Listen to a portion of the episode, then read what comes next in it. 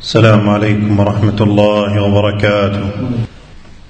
إن الحمد لله نحمده ونستعينه ونستغفره ونعوذ بالله من شرور أنفسنا وسيئات أعمالنا.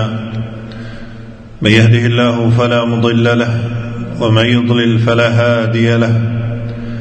وأشهد أن لا إله إلا الله وحده لا شريك له.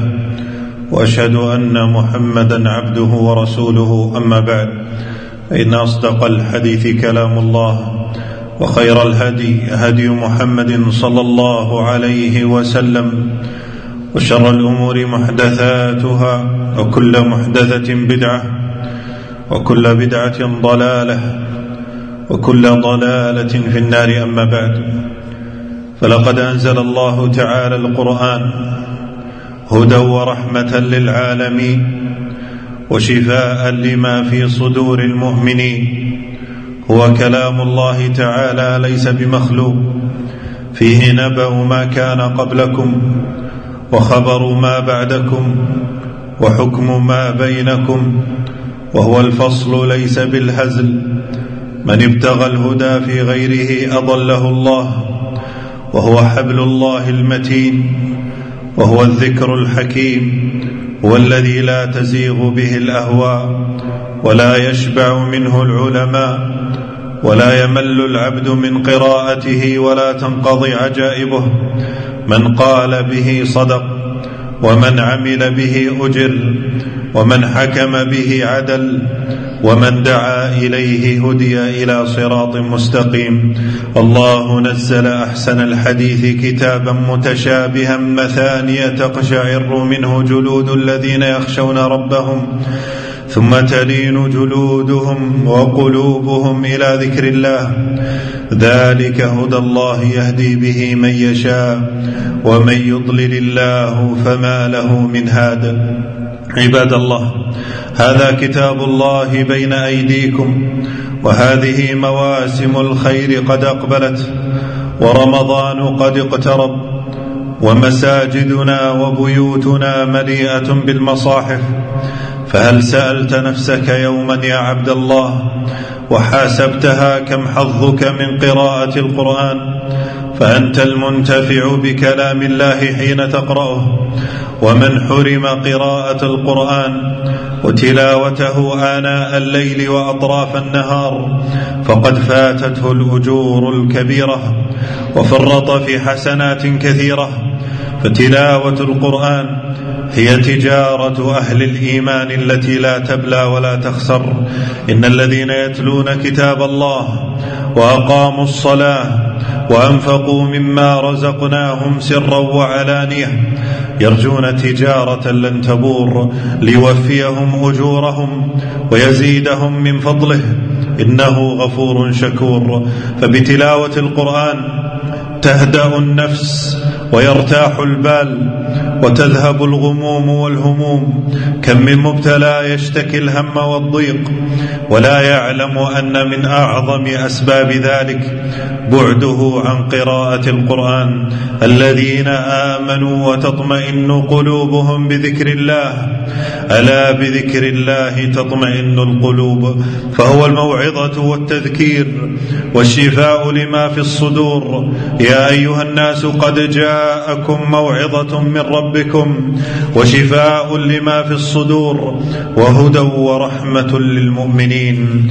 ولقد أرشدنا النبي صلى الله عليه وسلم إلى أن القرآن به راحة القلوب وزوال الهموم. فعن ابن مسعود رضي الله عنه أن رسول الله صلى الله عليه وسلم قال ما أصاب أحدا قط هم ولا حزن فقال اللهم إني عبدك وابن عبدك وابن أمتك ناصيتي بيدك ماض في حكمك عدل في قضاؤك أسألك بكل اسم هو لك سميت به نفسك أو علمته أحدا من خلقك أو أنزلته في كتابك أو استأثرت به في علم الغيب عندك أن تجعل القرآن ربيع قلبي ونور صدري وجلاء حزني وذهاب همي إلا أذهب الله همه وحزنه وأبدله مكانه فرجا. قال فقيل يا رسول الله ألا نتعلمها؟ فقال بلى ينبغي لمن سمعها أن يتعلمها. عباد الله إن أهل القرآن والمتدارسين له في الحلق تتنزل عليهم الرحمات والبركات. فعن أبي هريرة رضي الله عنه قال قال رسول الله صلى الله عليه وسلم وما اجتمع قوم في بيت من بيوت الله يتلون كتاب الله ويتدارسونه بينهم إلا نزلت عليهم السكينة وغشيتهم الرحمة وحفتهم الملائكة وذكرهم الله في من عنده. فما أعظم هذا الفضل وما أجزل هذا العطاء لأهل القرآن فالله يعلي شأنهم ويذكرهم في الملأ الأعلى وكفى بذلك فضلا وشرفا وفخرا. قال تعالى لقد أنزلنا إليكم كتابا فيه ذكركم أفلا تعقلون؟ أي فيه شرفكم وفخركم وارتفاعكم.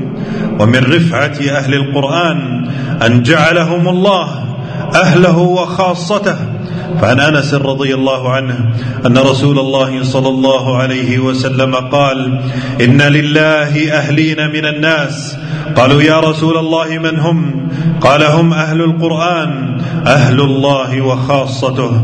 وقال صلى الله عليه وسلم إن الله يرفع بهذا الكتاب أقواما ويضع به آخرين. فاللهم اعنا على ذكرك وشكرك وحسن عبادتك. أقول ما تسمعون وأستغفر الله العظيم لي ولكم من كل ذنب فاستغفروه إنه هو الغفور الرحيم.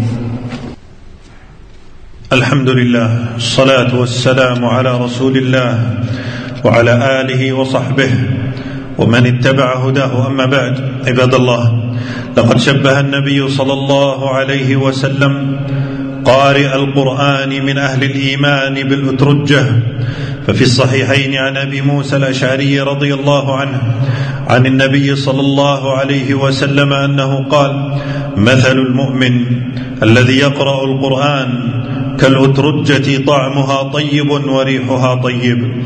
والقرآن يأتي شفيعا لأصحابه الذين اجتهدوا في قراءته. فعن أبي أمامة رضي الله عنه عن النبي صلى الله عليه وسلم قال اقرأوا القرآن فإنه يأتي يوم القيامة شفيعا لأصحابه. فإذا دخل العبد الجنة ارتفعت منزلته ودرجته بحسب حفظه وتلاوته للقرآن في الدنيا. عن عبد الله بن عمرو رضي الله عنهما قال قال رسول الله صلى الله عليه وسلم يقال لصاحب القرآن اقرأ وارتق ورتل كما كنت ترتل في الدنيا فإن منزلك عند آخر آية تقرأها.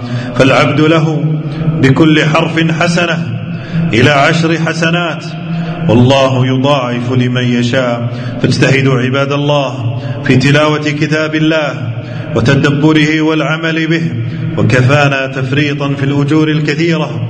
اجعلوا للقرآن وردا ووقتا وحظا فكم أشغلتنا هواتفنا ومجالسنا وأصحابنا عن كلام ربنا فالدنيا دار العمل والآخرة دار الجزاء. فأحسن في دنياك تجد خيرا في أخراك. اللهم إنا نسألك العفو والعافية في الدنيا والآخرة. اللهم إنا نعوذ بك من زوال نعمتك وتحول عافيتك وفجاءة نقمتك وجميع سخطك. اللهم ارفع عنا البلاء والوباء والغلاء. اللهم إنا نسألك العفو والعافية في الدنيا والآخرة. اللهم اغفر للمسلمين والمسلمات والمؤمنين والمؤمنات الأحياء منهم والأموات. ربنا آتنا في الدنيا حسنة وفي الآخرة حسنة وقنا عذاب النار. اللهم اغفر لنا ولوالدينا اللهم اغفر لنا ولوالدينا. وصلى الله وسلم وبارك على نبينا محمد.